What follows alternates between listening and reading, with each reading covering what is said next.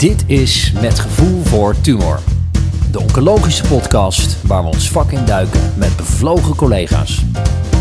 Beste luisteraars, welkom bij weer de derde aflevering van het eerste seizoen Met Gevoel voor Tumor. Dit keer niet vanuit het hoge noorden, maar vanuit het centrale middelpunt van ons land, Utrecht. Wij zijn Lieke Razenberg en Anne-Joy de Graan, beide internist-oncoloog in opleiding in het UMC Utrecht. Overigens voor mij geen echte Utrechtse route, maar dat zal je vast wel opvallen met de enigszins zachte G. Nou, vandaag in onze eer om te spreken met dokter Philip de Vos over hersenmetastase en alles wat daarbij komt kijken. Hij is internist-oncoloog in het UMC Utrecht, waar hij zich vooral toelegt op de neuro-oncologie. Op wetenschappelijk vlak is hij ook zeer bevlogen, van zowel fase 3 klinische trials tot vroeg klinisch fase 1 onderzoek, met tientallen publicaties op zijn naam. Philip, welkom. Allereerst, zeg ik nou Philip of Philippe? Um, Philippe, ja, ik moet ook altijd schakelen. Ik weet, ik, je zult waarschijnlijk ook begrijpen, mijn uh, tongval is licht Belgisch. Alhoewel dat ik van iedereen begrepen heb dat dat al serieus vernederlandst is.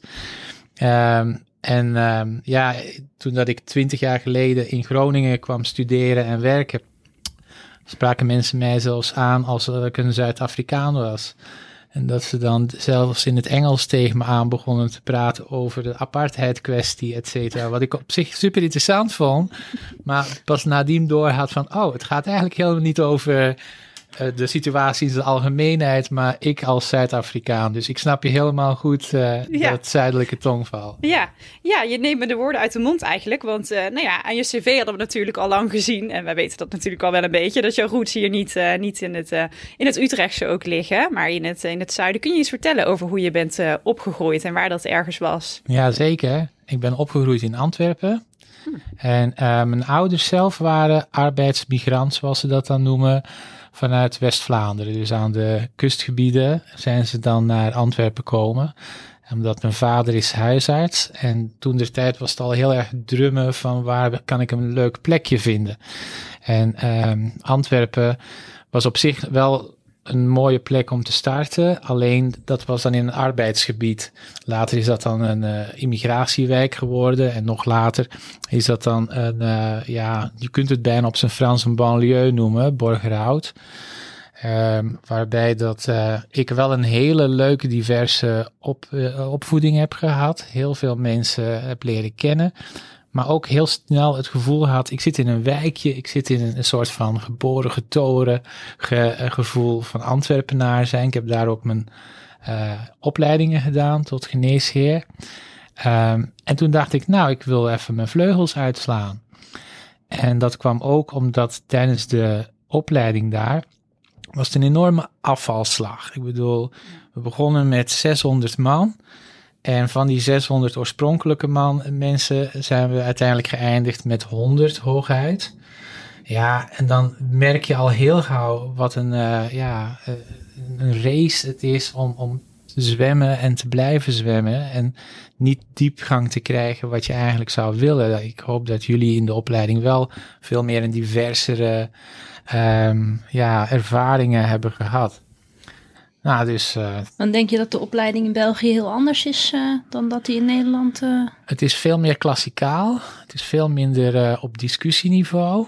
En ik weet nog bijvoorbeeld bij mijn eerste klinische stages dat ik hele DD's uit mijn hoofd moest leren. Gewoonweg omdat ze jou daar echt op de grill legden. En, en hier wordt het niet zozeer dat je het bij het handje wordt genomen, maar je leert klinisch te redeneren. Zodat je zelf misschien merkt van oké, okay, hier loop ik vast. Maar dan krijg je toch als, uh, als medisch student al direct veel meer ook een kritische kijk. En, en dat vind ik wel heel erg mooi. En dat was uh, in, uh, nou, in Antwerpen minder. Ik wil niet zeggen dat het anders is of slechter, maar het is, het is, het is niet mijn manier van ja, gewoon kennis overdragen. Ik heb het liever dat mensen mij ook als, als, als opleider uitdagen op dat vlak. Dus je wilde je, je vleugels uitslaan. En hoe, hoe is de beslissing dan gekomen om dat uh, naar Nederland te doen? Um, nou ja, niet, niet ten- tegen de Nederlanders in, maar Nederlands is ongeveer de enigste taal die ik goed spreek. dus dan worden de opties opeens een stuk kleiner. En in, in België was het heel populair of, of naar Frankrijk te gaan, vanwege het Frans, of naar ehm, eh, Nederlands. En eh, ik ehm, zat bij eh, toen al dat ik dacht van, nou, ik vind oncologie eigenlijk wel een verdomd leuk vak. Ik wil dat wel verder eh, uitzoeken. En ik kwam bij professor Jan Vermorken, ehm, die als Nederlander zelf eh, natuurlijk heel korte lijntjes heeft met mensen hier in Nederland. En ehm, in november 99 heb ik dan mijn buitenlandse stage In Nederland gedaan. in Nederland gedaan.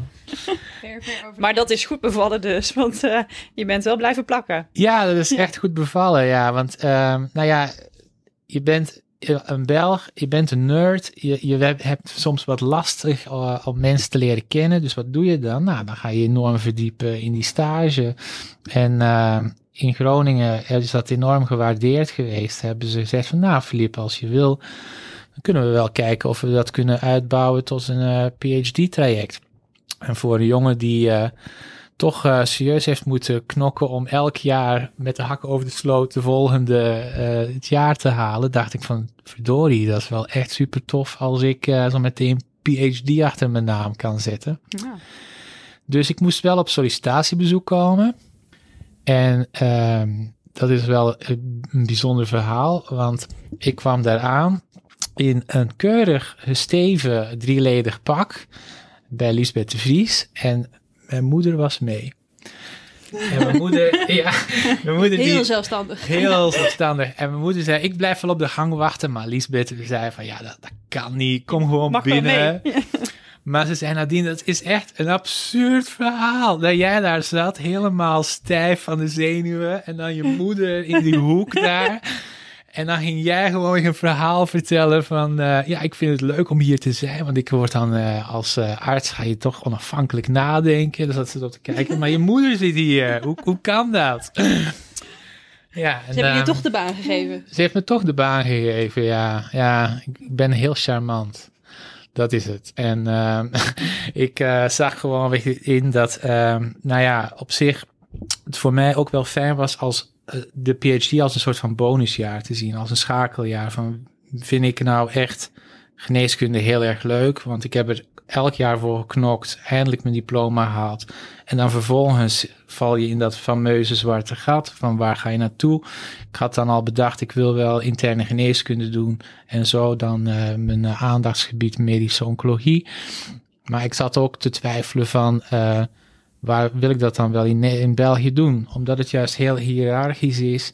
Je moet soms ja, echt dingen doen die- waar je denkt van ja, wat is het nut voor die opleiding?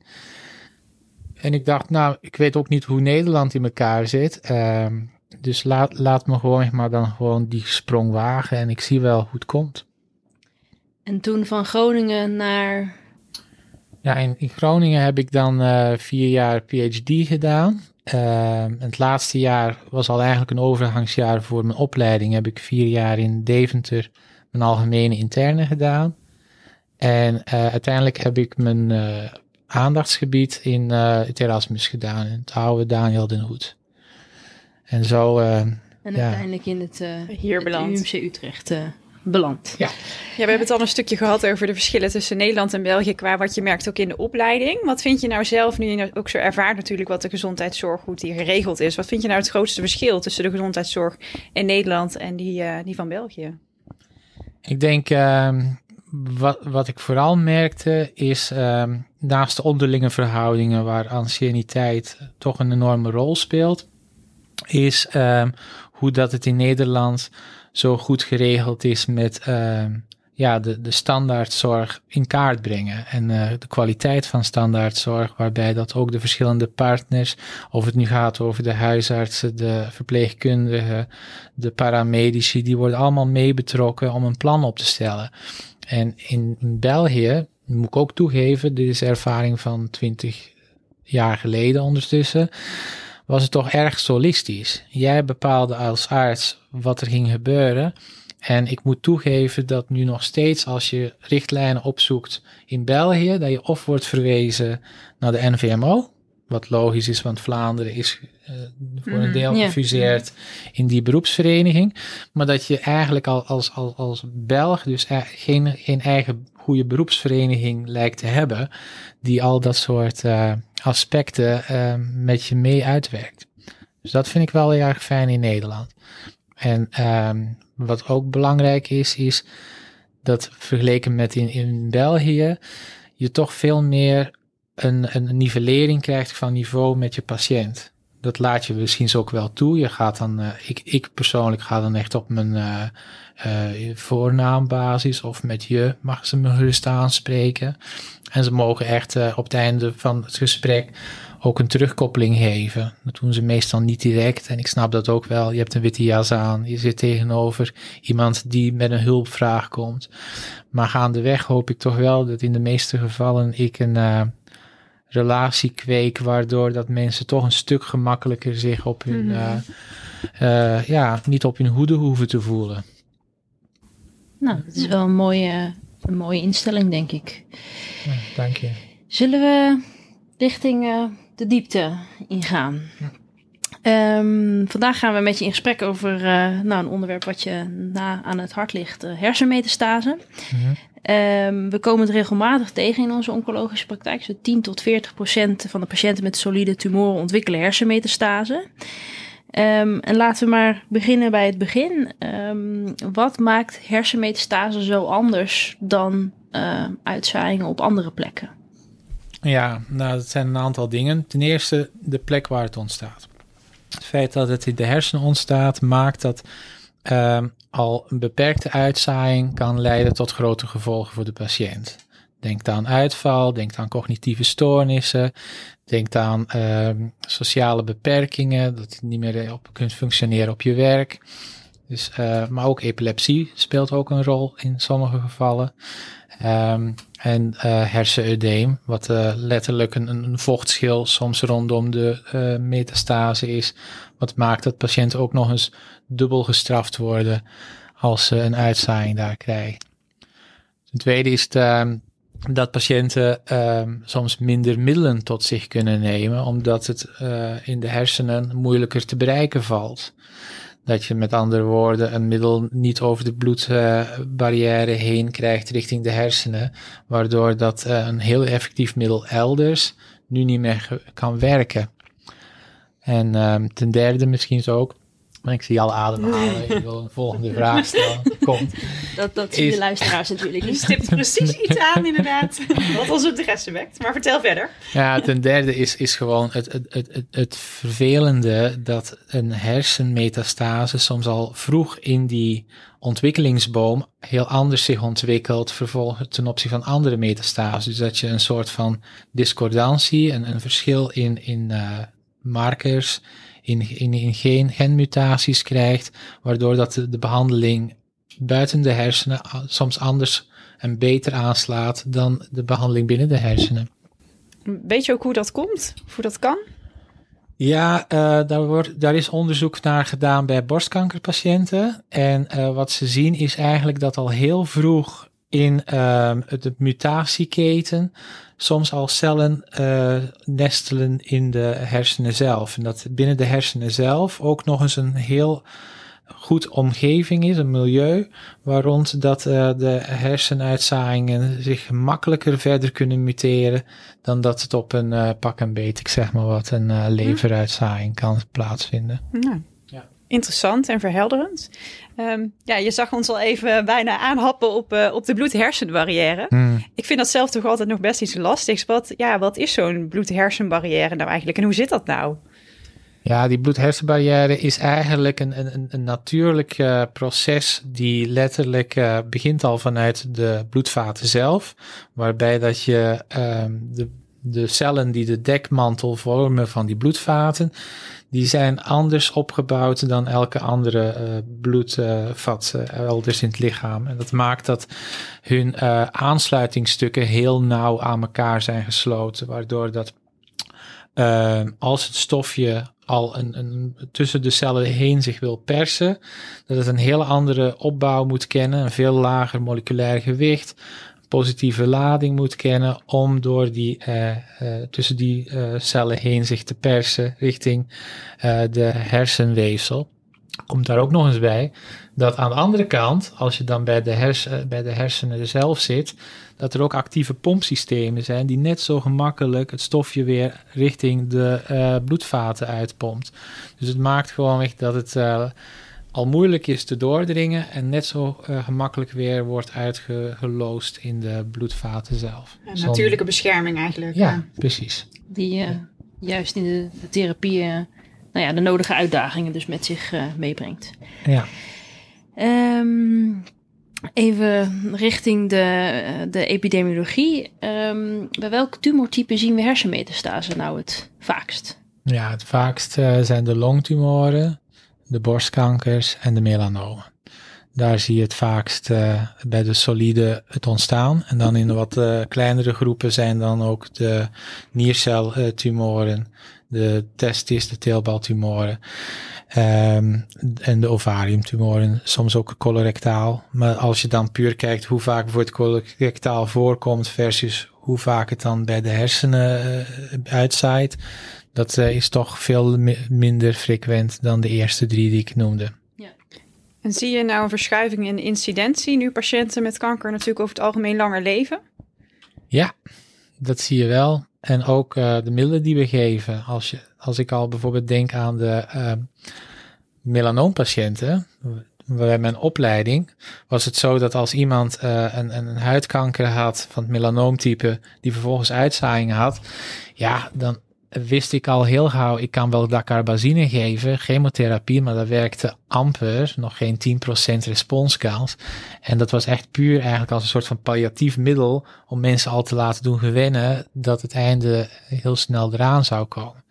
En um, nu heb je allerlei middelen, zeker met immuuntherapie, waar toch 30% heel lang kan overleven en zelfs misschien mag ik niet luid op zeggen, maar ik ga het toch doen, dat ze kunnen genezen.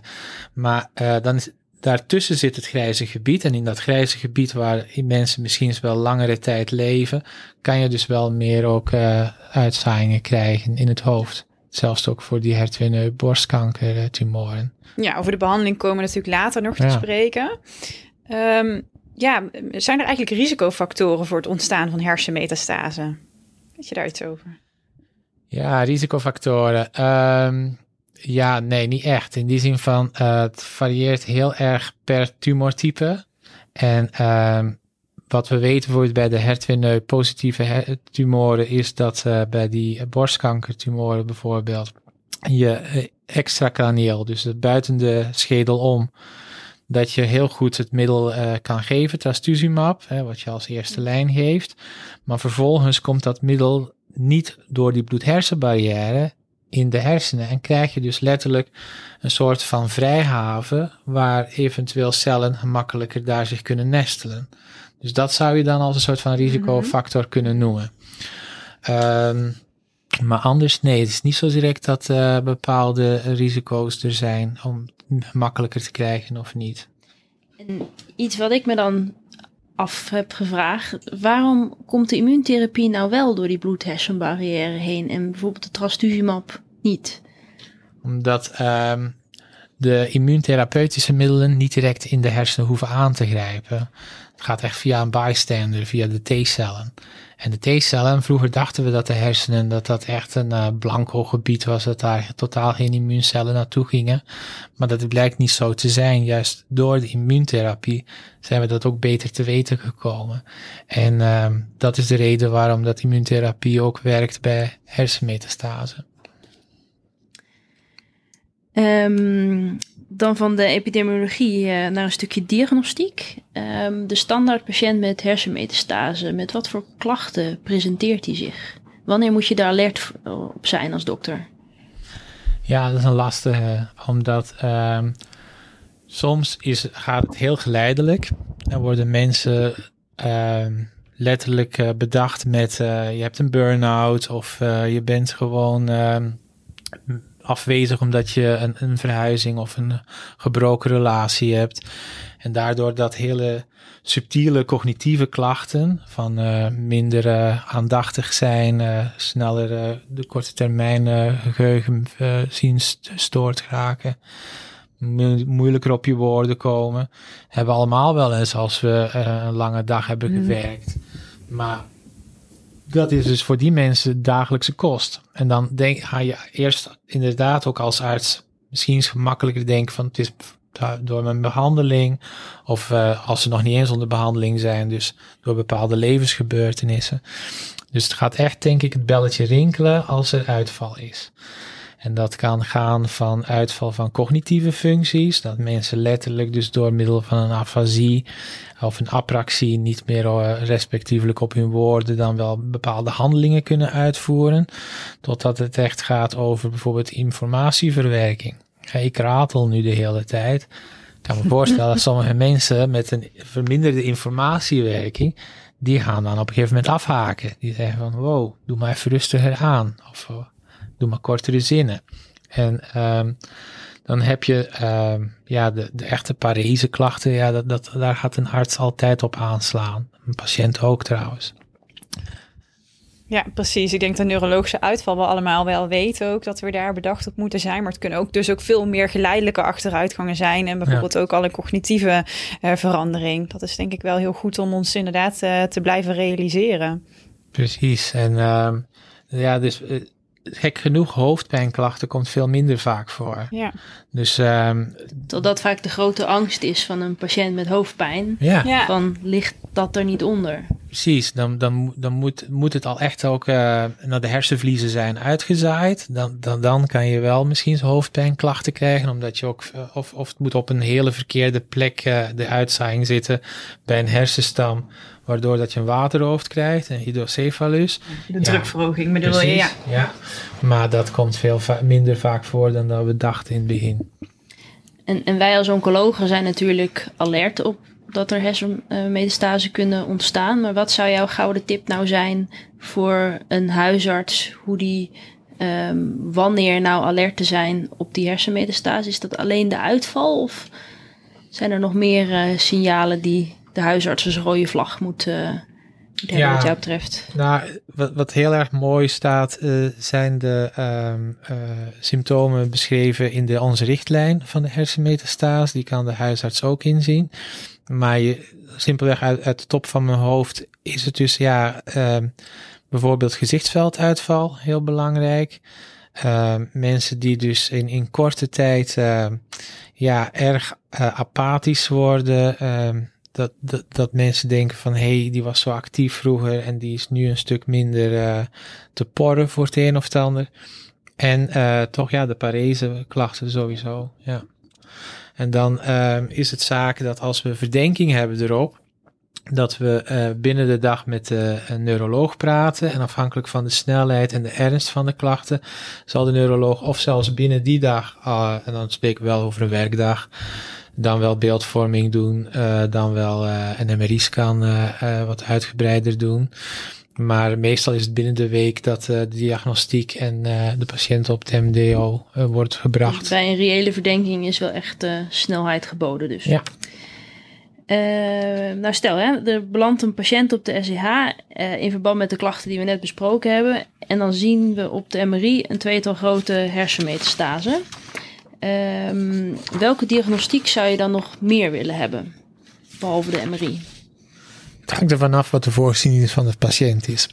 Als de patiënt al bekend is met een uh, uh, tumor, primair elders, dan uh, hebben we afgesproken dat wat de longtumoren betreft, als de diagnose binnen de twee jaar is, dan is het gerelateerd met longtumor en binnen vijf jaar met de overige solide tumoren.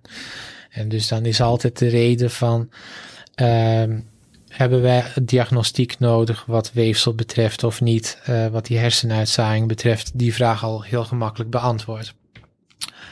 We willen denk ik vooral weten hoe uitgebreid is de ziekte, wat is de conditie van de patiënt, met andere woorden, welke behandelingen kan die eventueel nog aan? En uh, ook uh, ja, wat overige zaken zijn, zoals de leeftijd en de uh, markers die misschien zal bekend zijn van de oorspronkelijke tumor. Om te kijken van, als we al een behandeling, zij het dan medisch uh, met, met middelen willen geven, kan zo'n patiënt dat ook letterlijk aan? Of zit je iemand al in een hele uh, diagnostische molen te gooien, terwijl we eigenlijk al op voorhand weten dat dit een zeer fragiele patiënt is, die waarschijnlijk geen van de mogelijke opties al zou kunnen volbrengen. En wie brengt dat dan verder in kaart? Want zo'n cognitieve status is natuurlijk ook belangrijk om dan te beoordelen. En ook de neurologie. Wordt een neuroloog daar dan al heel vroeg bij betrokken? Of doet de hoofdbehandelaar dat in eerste instantie? Hoe is dat georganiseerd? Ja, het, het liefst uh, is het een, soort van duobaan. Is het echt multidisciplinair, omdat je aan de ene kant als uh, verwijzend uh, specialist of huisarts al mogelijk heel wat in kaart hebt gebracht. Uh, wat dan de uh, neuroloog niet meer hoeft te doen, zodat hij zich met name kan focussen op neurologisch onderzoek. Ik bedoel, wij kunnen allemaal wel even uh, een onderzoek doen van gevoeligheid en reflexen. Dus jij kan ook echt goed reflexen slaan dus? Nou ja, slaan zeker. en dan of de, de reflex eruit komt, dat is een tweede. Maar ja, dus je hebt wel een, een basis neurologie, maar wat de neurologen zelf doen, daar, daar val ik soms altijd achterover, omdat zij veel meer ook kijken naar welk dermatoom is betrokken of welke uh, spiergroep is, is aangetast.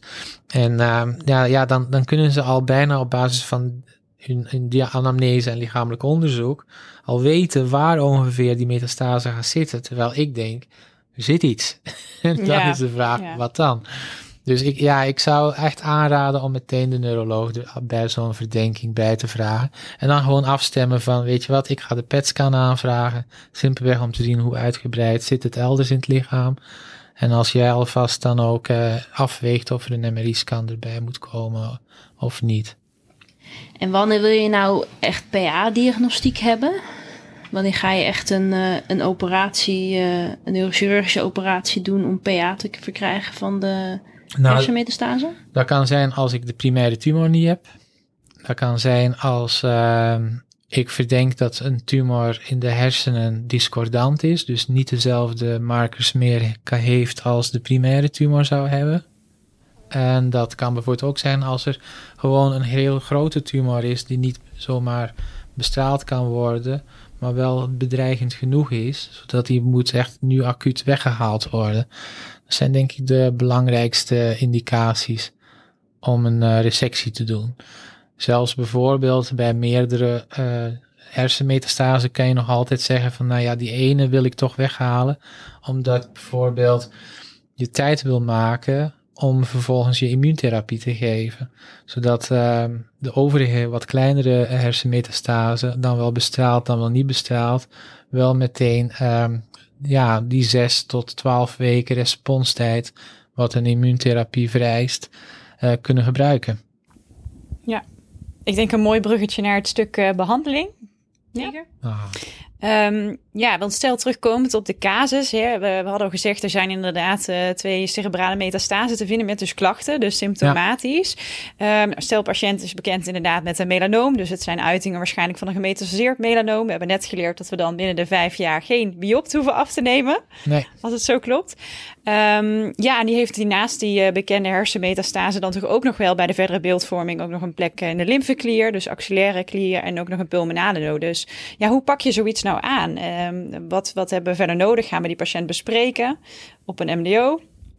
Ja, ik denk uh, dat het sowieso goed is om de patiënt vervolgens te bespreken op de MDO. Om uh, aan te geven van wat gaan we wat is nodig intracranieel, wat is nodig extracranieel. Extracranieel kan uh, de oncoloog rust aangeven. Maar het intracraniële gedeelte is dan een combinatie van hoe erg is de patiënt neurologisch bedreigd. Moet met andere woorden direct actie ondernemen worden of niet? En zo ja, op regionaal vlak, door wie dan? Of moet je zelfs toegeven dat zelfs met twee grote uh, metastasen, die op een hele verkeerde centraal gelegen plek zitten, die A, dus niet te bestralen zijn en B, niet te opereren zijn, dat je misschien dan toch met z'n allen kiest om dan hopelijk uh, met een BRAF-remmer dan de patiënt wel uh, initieel te kunnen helpen. En dat zijn allemaal afwegingen die je in de MDO maakt. Omdat een BRAF-remmer sneller werkt dan bijvoorbeeld uh, immuuntherapie. Ja. ja, een BRAF-remmer werkt hopelijk al binnen de zes dagen, zie je effect. En dat noem ik altijd het Lazarus-effect. Zowel dat je dat bij immuuntherapie dus niet mag verwachten dat het zo snel mag werken.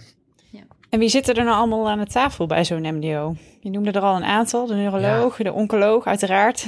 Ja, het liefst ook een radioloog die een beetje behept is uh, met het bekijken van MRI-beelden, want het is altijd een uitdaging. Mm -hmm. um, als het kan, een patholoog, uiteraard. Maar dat hoeft niet als je het zuiver wil houden op uh, een hersenmetastase MDO. Dan, um, een verpleegkundig specialist, want die heeft toch meer een allround beeld over je patiënt. Die weet ook hoe de psychosociale situatie in elkaar steekt. Mogelijk heeft hij als enigste soms gevraagd, maar wat wilt u eigenlijk al? Terwijl wij al veel meer binnen bezig zijn met de diagnostiek en de mogelijkheden die er zijn. Um, tegenwoordig hebben we ook een uh, nucleaire arts. Die um, kan in sommige gevallen uh, nucleaire geneesmiddelen geven. Denk maar aan PSMA bij prostaattumoren. Maar dat is, dat is al meer uitzonderlijk. Um, neuroendocrine tumoren zien we bijvoorbeeld ook veel vaak dat de nucleaire arts om de hoek komt kijken. Maar ja, ik zit in een academisch ziekenhuis. Ja, precies. Dus ja. Uh, ik zie ja, jullie al kijken. Die dat vraag komt mij uit, op. Ja. uitzonderlijkheden. Ja, ook. Precies hetzelfde. Ja. ja, want in hoeverre is dit? Is dit er ook in perifere centra? Ja. Nee, in perifere centra denk ik, uh, moet je echt denken aan de big, big three, de long, de borst, de, het melanoom. Um, en um, dan heb je al voldoende aan de mensen die je al benoemde. De oncoloog, de neuroloog, de neurochirurg, de radiotherapeut en het liefst nog een radioloog. En als het kan, een verpleegkundig specialist. En stel nou dat de hersenmetastase nou berust niet op een melanoom, maar op een um, HER2 um, uh, positief mammacarcinoom. Uh, zijn er dan verschillen in het diagnostische traject en behandeling? Ja, dan, dan, dan zou je al kunnen gaan je afvragen van is dit ook nog steeds een HER2-positieve tumor? Dus als je elders in het lichaam ook uitzaaiingen hebt, dan zou je kunnen te, nagaan van is dit een moment om te biopteren of niet? En zo ja, eh, als het allemaal de novo nieuw is na die vier jaar, dan zou je dat kunnen doen. En anders, uh, als enkel die twee hersenmetastasen nieuw zijn, ja, dan kun je afvragen naar... Uh, Oh, maar meestal is de kans heel groot dat ze nog altijd HER2 positief zijn. Um, dan hoeft wat ons betreft dat niet nog een keer gebiopteerd te worden. Dan is het goed zo. Um, en dan start je waarschijnlijk opnieuw met de eerste behandeling die voorhanden is. TDM1 is overigens meer bewezen. Heeft ook betere uitkomsten. En um, tegenwoordig gaan mensen ook vaker direct doorpakken met TDM1. Het is best een bijzonder middel, TDM1. Ik denk dat onze luisteraars niet allemaal weten wat voor soort middel dat is. Misschien kan je daar iets... Uh... Ja, dat is een uh, gecombineerd middel, uh, een, een HER2-remmer die op twee verschillende manieren op de signaal van HER2 als, als marker aangrijpt. En daardoor ook eigenlijk een soort van duo-blokkade geeft, wat veel krachtiger werkt.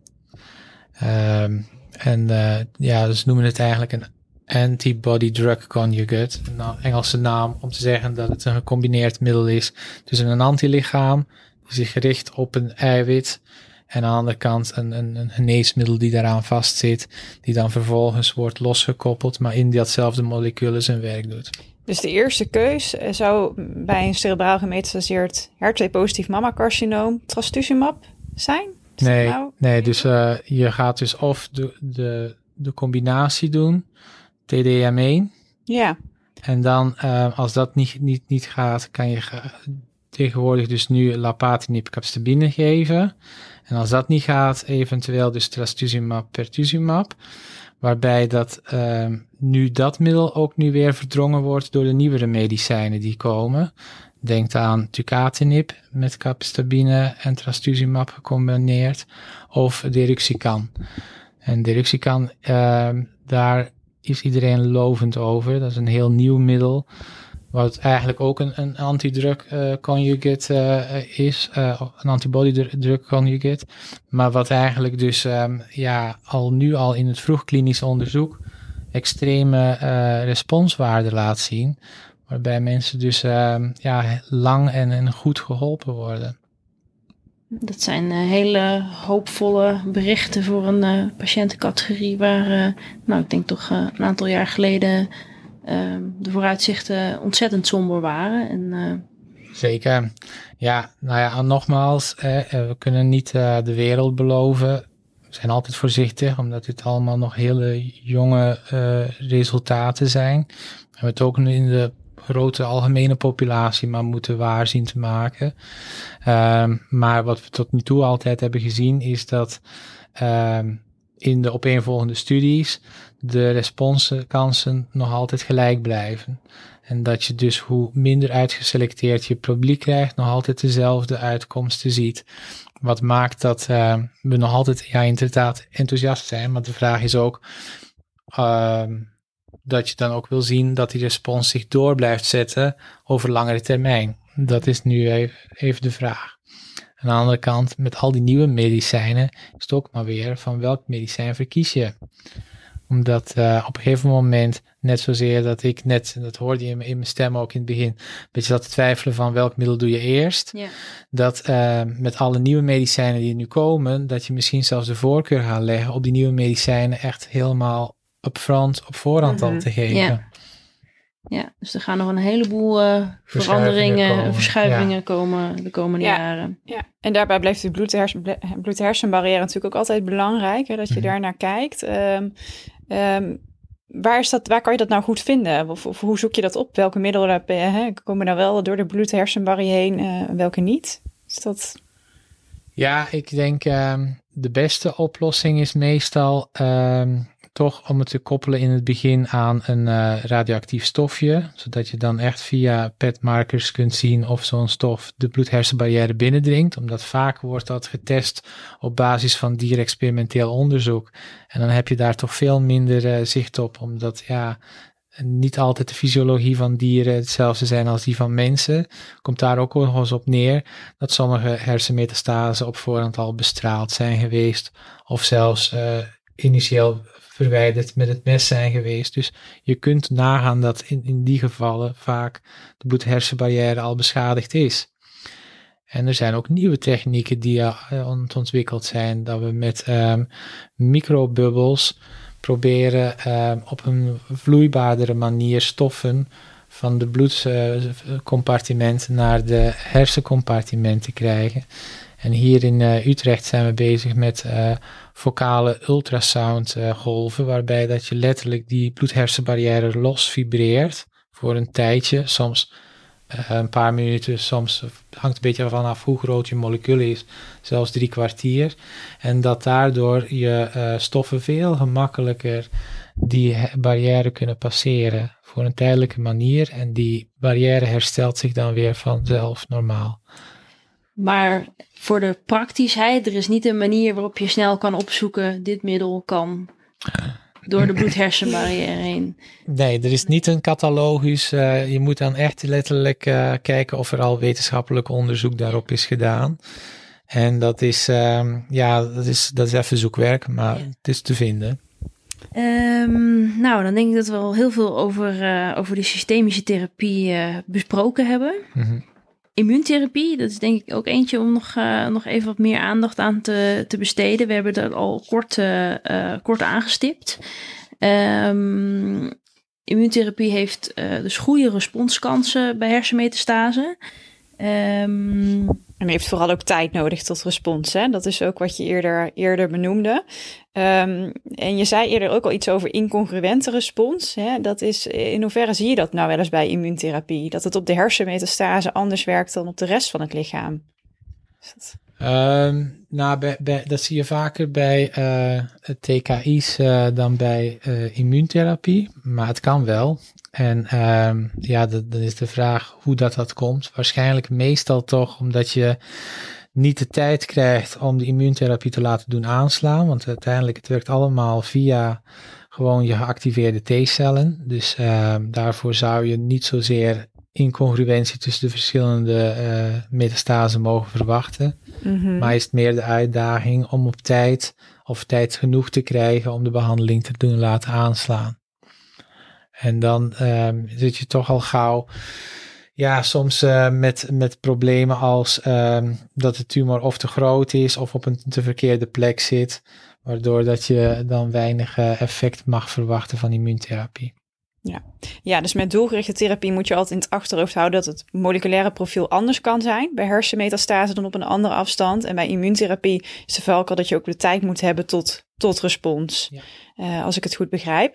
Um, ja, nou, daar hebben we zelf in de voorbereiding ook al wat gelezen over radiosensibiliserend effect uh, van immuuntherapie. Uh, kan je daar iets over vertellen? Is, is daar iets over bekend?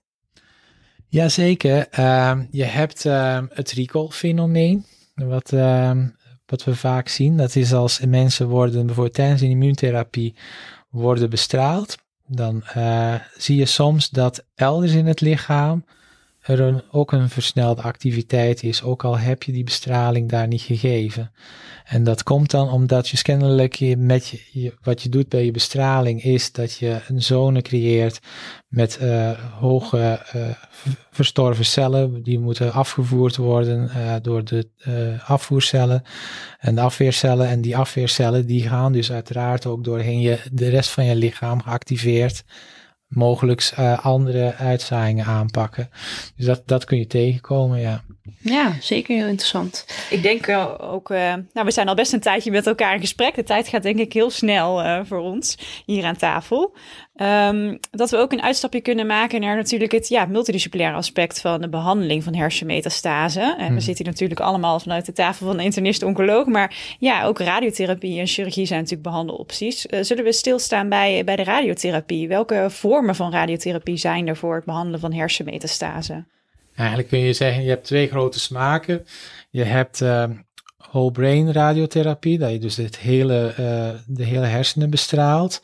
Of uh, stereotactische bestraling, waarbij je dus op een hele uh, kleine gebiedje, dus de, de, hersenmetastase zelf, inzoomt en de bestraling geeft. En um, dat laatste wordt nu steeds vaker gedaan, bijna uitsluitend, omdat het A op een uh, hele goede manier een heel langdurig effect geeft. Terwijl dat die uh, whole brain eigenlijk nog vaak gebruikt wordt bij de kleincellige uh, longtumoren als een soort van preven preventie. Om, om ervoor te komen dat er geen uitzaaiingen komen. Maar als je dus al echt aan het soebatten bent van, zal ik toch maar kiezen voor whole brain bestraling uh, in, in een setting waar dat je te veel uh, uitzaaiingen hebt om nog effectief op stereotactische manier te kunnen bestralen, dan zit je eigenlijk al in een vrij uh, terminaal palliatief gedeelte, waarbij dat je vooral symptomatisch probeert de klachten te verbeteren, doordat je de druk op de gezonde hersendelen tijdelijk verlicht. Maar echt antitumor doe je bijna niets, niets qua effect. Dus de overleving blijft krak hetzelfde. Alleen geef je mensen meer tijd om uh, op een kwalitatief volle manier hun laatste maanden door te komen. Terwijl dus bij stereotactische therapie, en vroeger gingen ze maar tot vier, nu zelfs tot tien, dus ze zijn een stuk uh, uh, gedurfder geworden, kun je dus heel langdurige effecten creëren. En, en zelfs dus lokaal, um, de behandeling um, leidt dan ook tot lokale um, verminderd recidief op die plekken. En dat geeft dan ook weer ruimte om je systeembehandeling op andere gedeelten van het lichaam de tijd te geven voor een goede controle te bekomen. Ja, dus een preventieve whole brain, dat wordt dan nog wel gedaan bij longkanker. Um, uh, maar je, ik hoor je als ik goed uh, heb zeggen eigenlijk, op het moment dat er hersenmetastase zijn, dan is de indicatie daarvoor eigenlijk vrij beperkt. Dan heb je met name een indicatie voor lokale behandeling, wat dan vaak stereotaxie is. Precies. Ja, en ik hoor je ook zeggen, die indicatie verschuift. Eerder waren het er drie, uh, nu al tien. ja, dat zien we natuurlijk bij veel andere type tumoren ook. We kunnen steeds meer lokaal behandelen. Ja. Vind je daar iets van? Of wat... wat... Ja, nee, dat, uh, ik denk dat het op zich wel een hele uitkomst geeft, omdat je dus uh, toch uh, steeds meer patiënten ziet die dus uitgebreidere ziekte hebben, omdat aan de ene kant je ook langere overlevingen krijgt, maar daardoor verschuift het uh, moment van, van uh, wanneer geef je een behandeling op. En wat we heel vaak in het MDO zien, is dus dat mensen terugkomen na een volgende MRI-scan, waarbij een nieuwe uh, uitzaaiing te zien is. En dat we die dan ook maar weer gaan stereotactisch bestralen. Dus je krijgt het glijdende vlak. Dat is denk ik meer iets in de overweging te nemen dan het aantal tien tegelijkertijd bestralen. Um, wat we ook vaker nu doen, is een herbestraling stereotactisch op dezelfde plek als die tumor terug lijkt toe te nemen. En dan wordt het nu interessant, want je ziet, wij kijken alleen maar naar tweedimensionale plaatjes, waarbij je niet altijd kunt zien van is het reactie op bestraling. Met andere woorden, is het hersenudeem? Uh, is, het, is, is het een, een nawee-effect van een eerdere bestraling? Of is het echt daadwerkelijk een, een actieve tumor? Mhm. Daar heb je wel wat middelen om de differentiatie te maken. Door middel van perfusiescans, dat je ziet of een tumor meer doorbloed is of niet. Of dat je eventueel met PET-scans gaat kijken of er meer nucleaire uh, glucoseopnames zijn, waardoor dat je ook weet die is ook actief, die zone. Uh, dan, dan ga je gemakkelijker gaan herbestralen. Maar we zien ook heel vaak dat het risico op dat hersenudeem, dat dat substantieel ook toeneemt met de aantal keren herbestralingen die je geeft. Mhm. En um, dat is wel heel erg naar voor patiënten, omdat zij dan vervolgens weer eigenlijk mogelijk dezelfde klachten krijgen als waar het allemaal om draaide in het begin. Omdat op diezelfde plek opnieuw intracraniële druk verschijnt. Um, en hoe maak je dan de afweging of je wel of niet gaat behandelen? Dat lijkt me heel ingewikkeld. Dat is ook heel ingewikkeld. Ja, kan ik je wel verzekeren. We hebben wel soms uh, dat we over één patiënt uh, heel lang uh, zitten na te praten van wat zien we nou op die MRI-scans en, en, hoe denken we dat dat zal zijn. En daarvoor zijn wel wat normogrammen ontwikkeld, waarbij dat we die aan de hand met goede argumenten kunnen zeggen het is het een of het ander. Maar het blijft, ja, toch dat de gouden standaard zou zijn dat je het liefst zou een punctie hebben. En ja, dat kan je niet altijd bij een hersenmetastase doen. Dus dan uh, is het gewoon soms op hele indirecte factoren een hele belangrijke beslissing maken. Ja. En wat je dus ook vertelt is, kijk niet alleen naar het aantal, kijk ook naar het beloop, hè, waarin, het, uh, waarin de metastase zich ontwikkelen. Ja, precies. En, en of het al dus eerder bestraald is geweest, hoe lang het geleden is geweest, of een patiënt misschien al bij andere bestraalde hersenmetastase dezelfde ontwikkeling heeft gehad van radionecrose, waardoor dat je dus gemakkelijker kunt zeggen, ja, die, die heeft daar aanleg voor. En um, dat hangt dan bijvoorbeeld ook af van de dosis die je geeft. We weten dat als het volume van een bestraling zodanig is dat hij meer dan 11 gray uh, bestralingsconcentratie heeft gehad, dan zie je dat de, kans op het krijgen van radionecrose substantieel, bijna logaritmisch, uh, de vlucht neemt. Dus dat zijn allemaal argumenten die je mee kunt nemen. En, en is er iets te zeggen over gemiddelde kans op radionecrose? Of is dat heel erg afhankelijk van de plek en inderdaad de grootte? Is daar... Ja, ik denk dat uh, het, het hangt af van sowieso de bestralingsdosis, mhm. de grootte uiteraard, want dan scatter je de dosis meer. Dan wordt dat uh, minder uh, hoog uh, op die plekken. dus al kleinere tumoren die je dus hoog hebben bestraald, soms met een, een fractiedosis van 24 gray, die heeft veel meer kans op het maken van radionecrose dan een, een wat grotere tumor die richting de grens gaat van 3 kubieke centimeter, die je vervolgens bestraalt met meerdere fracties, waardoor dat je wat mindere kans krijgt op radionecrose. Ja. En op wat voor termijn ontstaat die radionecrose nou? Binnen de drie maanden kan het al ontstaan. Daarvoor spreek je meer van pseudoprogressie. Kan het meer een, een, een, directe reactie zijn zonder dat je echt een influx krijgt van uh, celsterfte en, en uh, afweercellen. Maar binnen die drie maanden zien we dat dan wel ontstaan. En dan kan het echt fluctueren doorheen de tijd. Dus er zijn patiënten en studies die zelfs tot 17 keer doorheen hun beloop over de jaren heen een radionecrose fenomeen hebben gekregen. En dat hoef je niet eens te merken als patiënt. Dat zien we gewoon op die MRI-scans die we frequent maken. Ja. Maar dus het is eh, meestal zelflimiterend. Het, meestal dus uh, binnen een paar weken stopt het ook weer. En wanneer ga je het dan wel behandelen, die radionecrose? Als ze klachten krijgen. waarbij dat je dan als eerste middel dexamethason geeft. En ehm, dat is een fantastisch middel voor die radionecrose. Maar wat het nadeel aan dat middel is, is dat er gigantisch veel bijwerkingen zijn. Mensen kunnen infecties krijgen. Ehm, ze krijgen uh, eudemen, hun glucose uh, verstoord, uh, bloeddruk verstoord. Ze kunnen ehm, ook een heel ander uiterlijk krijgen. Denk maar aan de moonface. En dat is soms heel nefast voor mensen. Waardoor dat we als we hier in huis zien dat mensen langer dan drie maanden dexamethason zullen nodig hebben. Omdat we het niet afgebouwd krijgen, omdat dan de neurologische klachten terugkomen dan zeggen we, dan gaan we over op bevacizumab. Wat uh, een goed middel is um, en wat ja, aanvankelijk bedacht was als antitumormiddel, een uh, angiogenese-remmer. Maar we hebben gemerkt dat het helaas niks tegen uh, bepaalde tumortypes doet. Maar wat we wel zagen op MRI-scans, was dat uh, als patiënten hersenmetastase hadden en ze kregen bevacizumab, dat uh, er een duidelijke vermindering was van de perfusie van die uh, tumoren. En met name dan de radionecrose, dat die band van vocht enorm afnam. Dat is de reden waarom dat we dat nu uh, als alternatief voor dexamethason geven. En dan kan je die misschien ook weer sneller afbouwen. En wat ook weer natuurlijk iets is wat met immuuntherapie weer lastig is. Als je dat uh, ja, vervolgens weer wil opstarten. Ja. ja, het is zeker voor mensen met immuuntherapie gaan we eigenlijk in plaats van dexamethason sneller over op de bevacizumab. Ja.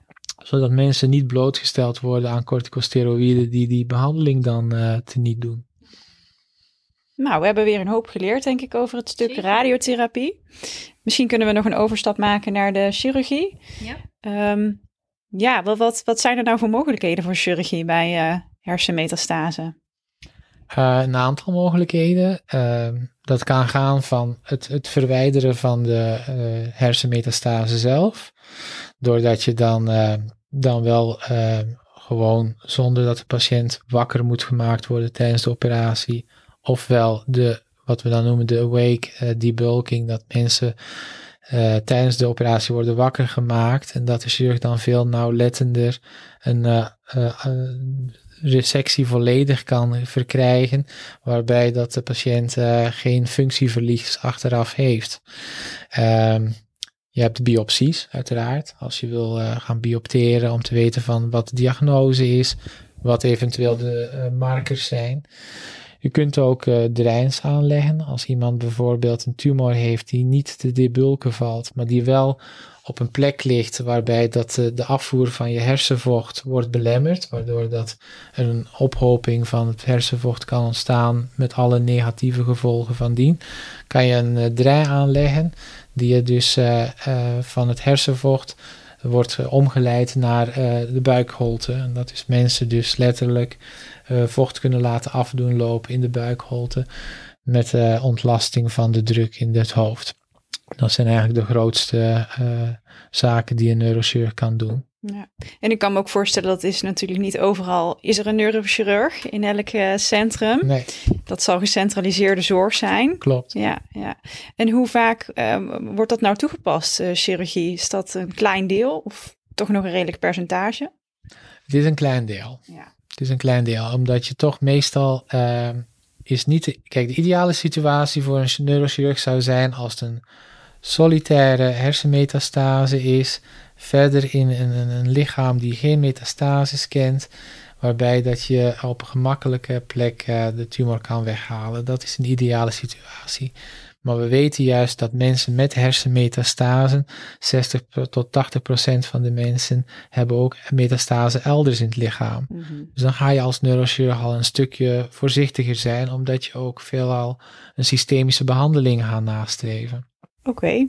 Dank voor uh, nou ja, het stuk wat we hebben geleerd over de, de behandeling. Uh, we willen nu nog een korte uitstap met je maken naar de verdere ontwikkelingen. Wat zijn uh, ontwikkelingen die gaan komen op het gebied van behandeling hersenmetastase? Ja, dus wat, je, ehm, wat ik al een beetje heb aangestipt is eh, de nieuwe middelen die eraan zitten te komen, met name voor borstkanker en longkanker Waarbij dat je dus uh, die middelen dan echt uh, nu al in, in zodanige ontwikkeling ziet dat zij binnenkort al op de markt gaan komen.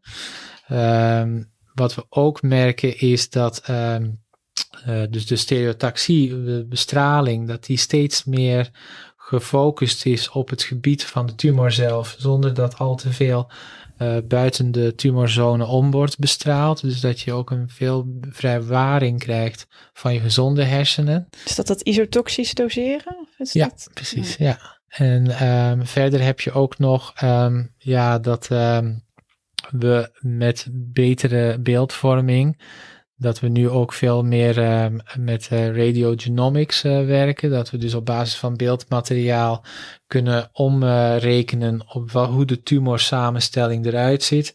Dat je dus ook veel beter een uitkomst hebt van wat zie ik nou op een MRI-scans. Dat zijn eigenlijk de grootste ontwikkelingen. En um, ja, wat wij dus hier ook doen op een, op maar dat is dan meer voor het algemeen, uh, wat ook bijvoorbeeld voor Alzheimer patiënten is, is dat je dus middelen van A naar B wilt krijgen. Mm -hmm. Dat je dus letterlijk ook door die bloedhersenbarrière heen wil breken, zonder dat je te veel schade berokkent, want die bloedhersenbarrière is uiteraard niet voor niks. Nee, dat zou baanbrekend zijn natuurlijk als Zeker. dat uh, komt vanuit ja. het UMC Utrecht. Ja, ja, nou ja, laten we zeggen de joint effort. Quick for. We gaan, je, we gaan even uit het, uh, het uh, hardcore medisch inhoudelijke. Um, en je nog um, wat kleine losse vragen stellen waar je niet te lang over na moet denken, maar gewoon um, het eerste moet zeggen wat er in je opkomt. Oké. Okay. Wat is je grote passie buiten het ziekenhuis? Film. Ik vind film heel erg leuk. Uh, ik um, kan me verliezen in de Rotterdam Filmfestival, waarbij ik dan echt van uh, zaal A naar B, naar C, naar D kan gaan. En dat kan gaan van de meest romantische tot actiefilms, tot uh, de obscure Noord-Afrikaanse uh, kunstfilms. Ja, dat vind ik gewoon heel erg leuk. En neem je daar ook vrij voor? dat deed ik vroeger wel, nu niet meer. Ik moet eigenlijk meer gaan doen. Even een uh, snipperdag, ja. Um, ja, wat zou je doen als je nou geen medisch oncoloog was geworden? Was je filmmaker geworden? Iets anders? Um, ik denk wel dat ik iets creatiefs zou doen. Um, ook al ben ik niet heel erg creatief zelf, maar meer dat ik inderdaad in een team zou zijn om iets op te bouwen. En dan denk ik dat ik veel meer, ja, uh, beste grip boy of zoiets zou zijn in de films. Een beetje van hot naar herlopen en uh, koffie zetten. Of de stuntman. De, nou, nee, zo sportief ben ik nu ook weer niet. Dat hoor je natuurlijk niet aan mijn stem. Maar nee, ik ben niet zo'n stoere jongen. um, en als je nou eens terugkijkt uh, uh, op je opleiding. wat zou je tegen je jongen zelf willen zeggen die begon aan de geneeskundestudie? Als je... Dat ehm, geneeskunde een prachtig vak is, maar dat het niet alles is. Dat je ook tijd moet maken voor um, ja, andere dingen te, te, leren en te ontdekken. En dat, dat, dat je best uh, een keer ook mag uh, denken van, nou, wat, wat voor uitstap zou ik willen doen? Um, dat, dat zou ik mezelf wel uh, terugzeggen, ja. En zou die uitstap dan richting de film zijn geweest? Of nou, zou je nog andere uitstappen willen maken? Nee, ik denk dat ik dan meer um, ja, zou denken van als uitstap uh, te beginnen met iets, iets met uh, groepsgebeuren, meer clubgebeuren. Uh, ik bedoel, in België heb je of uh, zit je in een, in een, niet zozeer in een sociëteit of in een jaarclub, maar veel meer in een uh, bieraangelegenheid. Wat op zich heel leuk aan zijn. Klinkt goed. Maar als Belg moet ik... Waarom was België nou ook weer niet leuk om te studeren? nee, dat, dat, was, dat was zeker leuk. Maar het, het, het interessante aan, aan wat, wat een jaarclub soms kan bieden, is dat je van verschillende uh, studierichtingen elkaar leert kennen. En dat heb ik nooit gekund, omdat ja, je zat echt in dat stramien van je faculteit, wat al een giga gebeuren is met honderden mensen. En dat is op zich wel heel erg leuk, want het zijn allemaal verschillende karakters. Maar wat je mist is, is gewoon weer een keer dat, dat sprankelende van, uh, ik zeg maar wat, politiek-sociale wetenschappen of uh, natuurwetenschappen. Uh, dat zijn toch heel andere types die je weliswaar in de campus voorbij zag komen, maar dat, dat was te weinig. Dus ik, ik had mezelf meer gegund van, god, durf een keer ook die uitstap te maken. Je hebt te veel dokters in je, in je sociale leven Ik heb- overgehouden. ja. Wat we allemaal herkennen, denk ik. Ja, familie, vrienden. Al, ja, Precies. ze zijn op zich de, de leukste mensen, daar niet van. Maar Eens, eens. het is op zich ook Beetje wel een beetje diversiteit is ook wel goed in, eh, in je leven. Hè? Ja, we hadden het ook al over een stukje werk-privé-balans. Iets wat natuurlijk altijd lastig is. Ja. Hè? Maar, maar hoe, hoe heb je dat voor jezelf nou geregeld? Hoe ga je daarmee om? Ja, slecht. In die zin van, ik probeer het altijd te minderen en ik zeg het ook altijd thuis. En dan merk ik toch dat ik dan weer de boeken induik. En dat is eh, toch omdat, ja, aan de ene kant, ehm, dat is misschien wel wat ik je wil meegeven. Je hoeft niet overal ja op te zeggen, ook al is het soms een heel leuk iets. Maar wat, wat ik wel merk is dat ik overal ja of soms op zeg. En dan wordt het wel op een gegeven moment too much. En dat wil ik dan ook allemaal wel weer netjes afwikkelen. Dus ehm, dat maakt dat mijn privé-werkbalans is op dit moment, ja, zeker niet 50-50, maar ik zou durven zeggen 70-30. En dan, ehm, is, dan ga ik me wel enorm concentreren dat als ik het, weekend moet vrij zijn, bij wijze van spreken, dan doe ik echt eh, alles eh, eh, wat, wat niet medisch is. Maar ik merk dan dat de avonden, dat dat wel dan erin schiet. Even voor de luisteraars, we zitten hier in Philips' werkkamer. Dat we net, we hebben net pizza gegeten, maar het is, eh, Avond. het is, het is half acht maar dit is echt leuk. Ja. Gelukkig. Nou ja, weet je, dat, dat- ja, ik vind... Je, durf, je durfde geen nee te zeggen. Nee joh, nee, nee, nee. Dit, wat, wat, dit is nou echt de uitdaging, vind ik. Ik bedoel, dit is uit mijn comfortzone gaan. En zo meteen ga ik nog wel een keer rustig nadenken. Heb ik alles wat ik verteld heb, klopt dat wel? En wat wil ik nu gewist hebben? Maar dat hebben we zo wel Ja. over. Maar, Doen we als hij uitstaat. Ja. maar nee, wat ik wil eigenlijk zeggen is... ehm, het, het, het eh, geneeskunde voor mij is, is meer een kunst dan een kunde. Dus dat Mhm. maakt dat ik veel meer ja, geniet van alles wat het te bieden heeft en, en me daarin kan verliezen. Duivelse dilemma's. Nou, we willen nog met je overstappen naar een duivels dilemma. Oh jee, Hè? vertel. Je mag gaan kiezen. Nooit meer COVID-pandemie en altijd in het ziekenhuis. Of COVID-pandemie en ook thuis kunnen werken. Dan kies ik denk ik voor nooit meer COVID-pandemie. Eh, simpelweg omdat ehm, ik vind dat ik een heel sociaal vak heb. En dat ik het ook heel prettig vind om mensen te zien. Dat lichaamstaal ook heel veel zegt. Ik bedoel, ja, we zitten nu wel met een podcast, maar dat is het wel. En dat ehm, de pandemie ons heel veel gebracht heeft. Ik bedoel, dit is er zeker een goed voorbeeld van. Maar ehm, nee, ik ben echt van het sociale aspect. En dan eh, ter afronding ehm, als take-home message. Heb je nog een praktische tip of een boodschap die je onze luisteraars eh, wil meegeven? Ehm, toen bedenken aan die eh, tegeltjes die op het einde van een eh, radioprogramma moet geschreven worden. Is dat Ja. iets Belgisch? Of? Nee, nee, nee, dat is Radio 1 Nederland, kunststof. En ehm, nou, ik zou zeggen, ehm, heb eh, de wijsheid te veranderen wat je kunt veranderen. Nee, dat is niet waar wat ik zeg. Ik moet anders zeggen. Heb de moed te veranderen wat je kunt veranderen. De, wij- de kracht om te zien wat je niet kan veranderen. En de wijsheid om daar een onderscheid in te maken. En dat is heel spannend soms hoor. Dat geef ik ook toe. Maar ik denk dat dat wel een, een mooie les is. Nou, dat is echt een goede afsluiter. Ik denk dat onze luisteraar daar nog wel even op kan nakouwen. Ja, graag gedaan. Het was eh, heel leuk dat ik hierbij mocht zijn. En eh, mooi eh, om met jullie de spits af te mogen bijten. En we hebben veel geleerd, denk ik. eh, en ik hoop jullie als luisteraars ook. Tot de volgende keer. Dit was Met Gevoel voor Tumor. Dank voor uw aandacht en tot de volgende aflevering.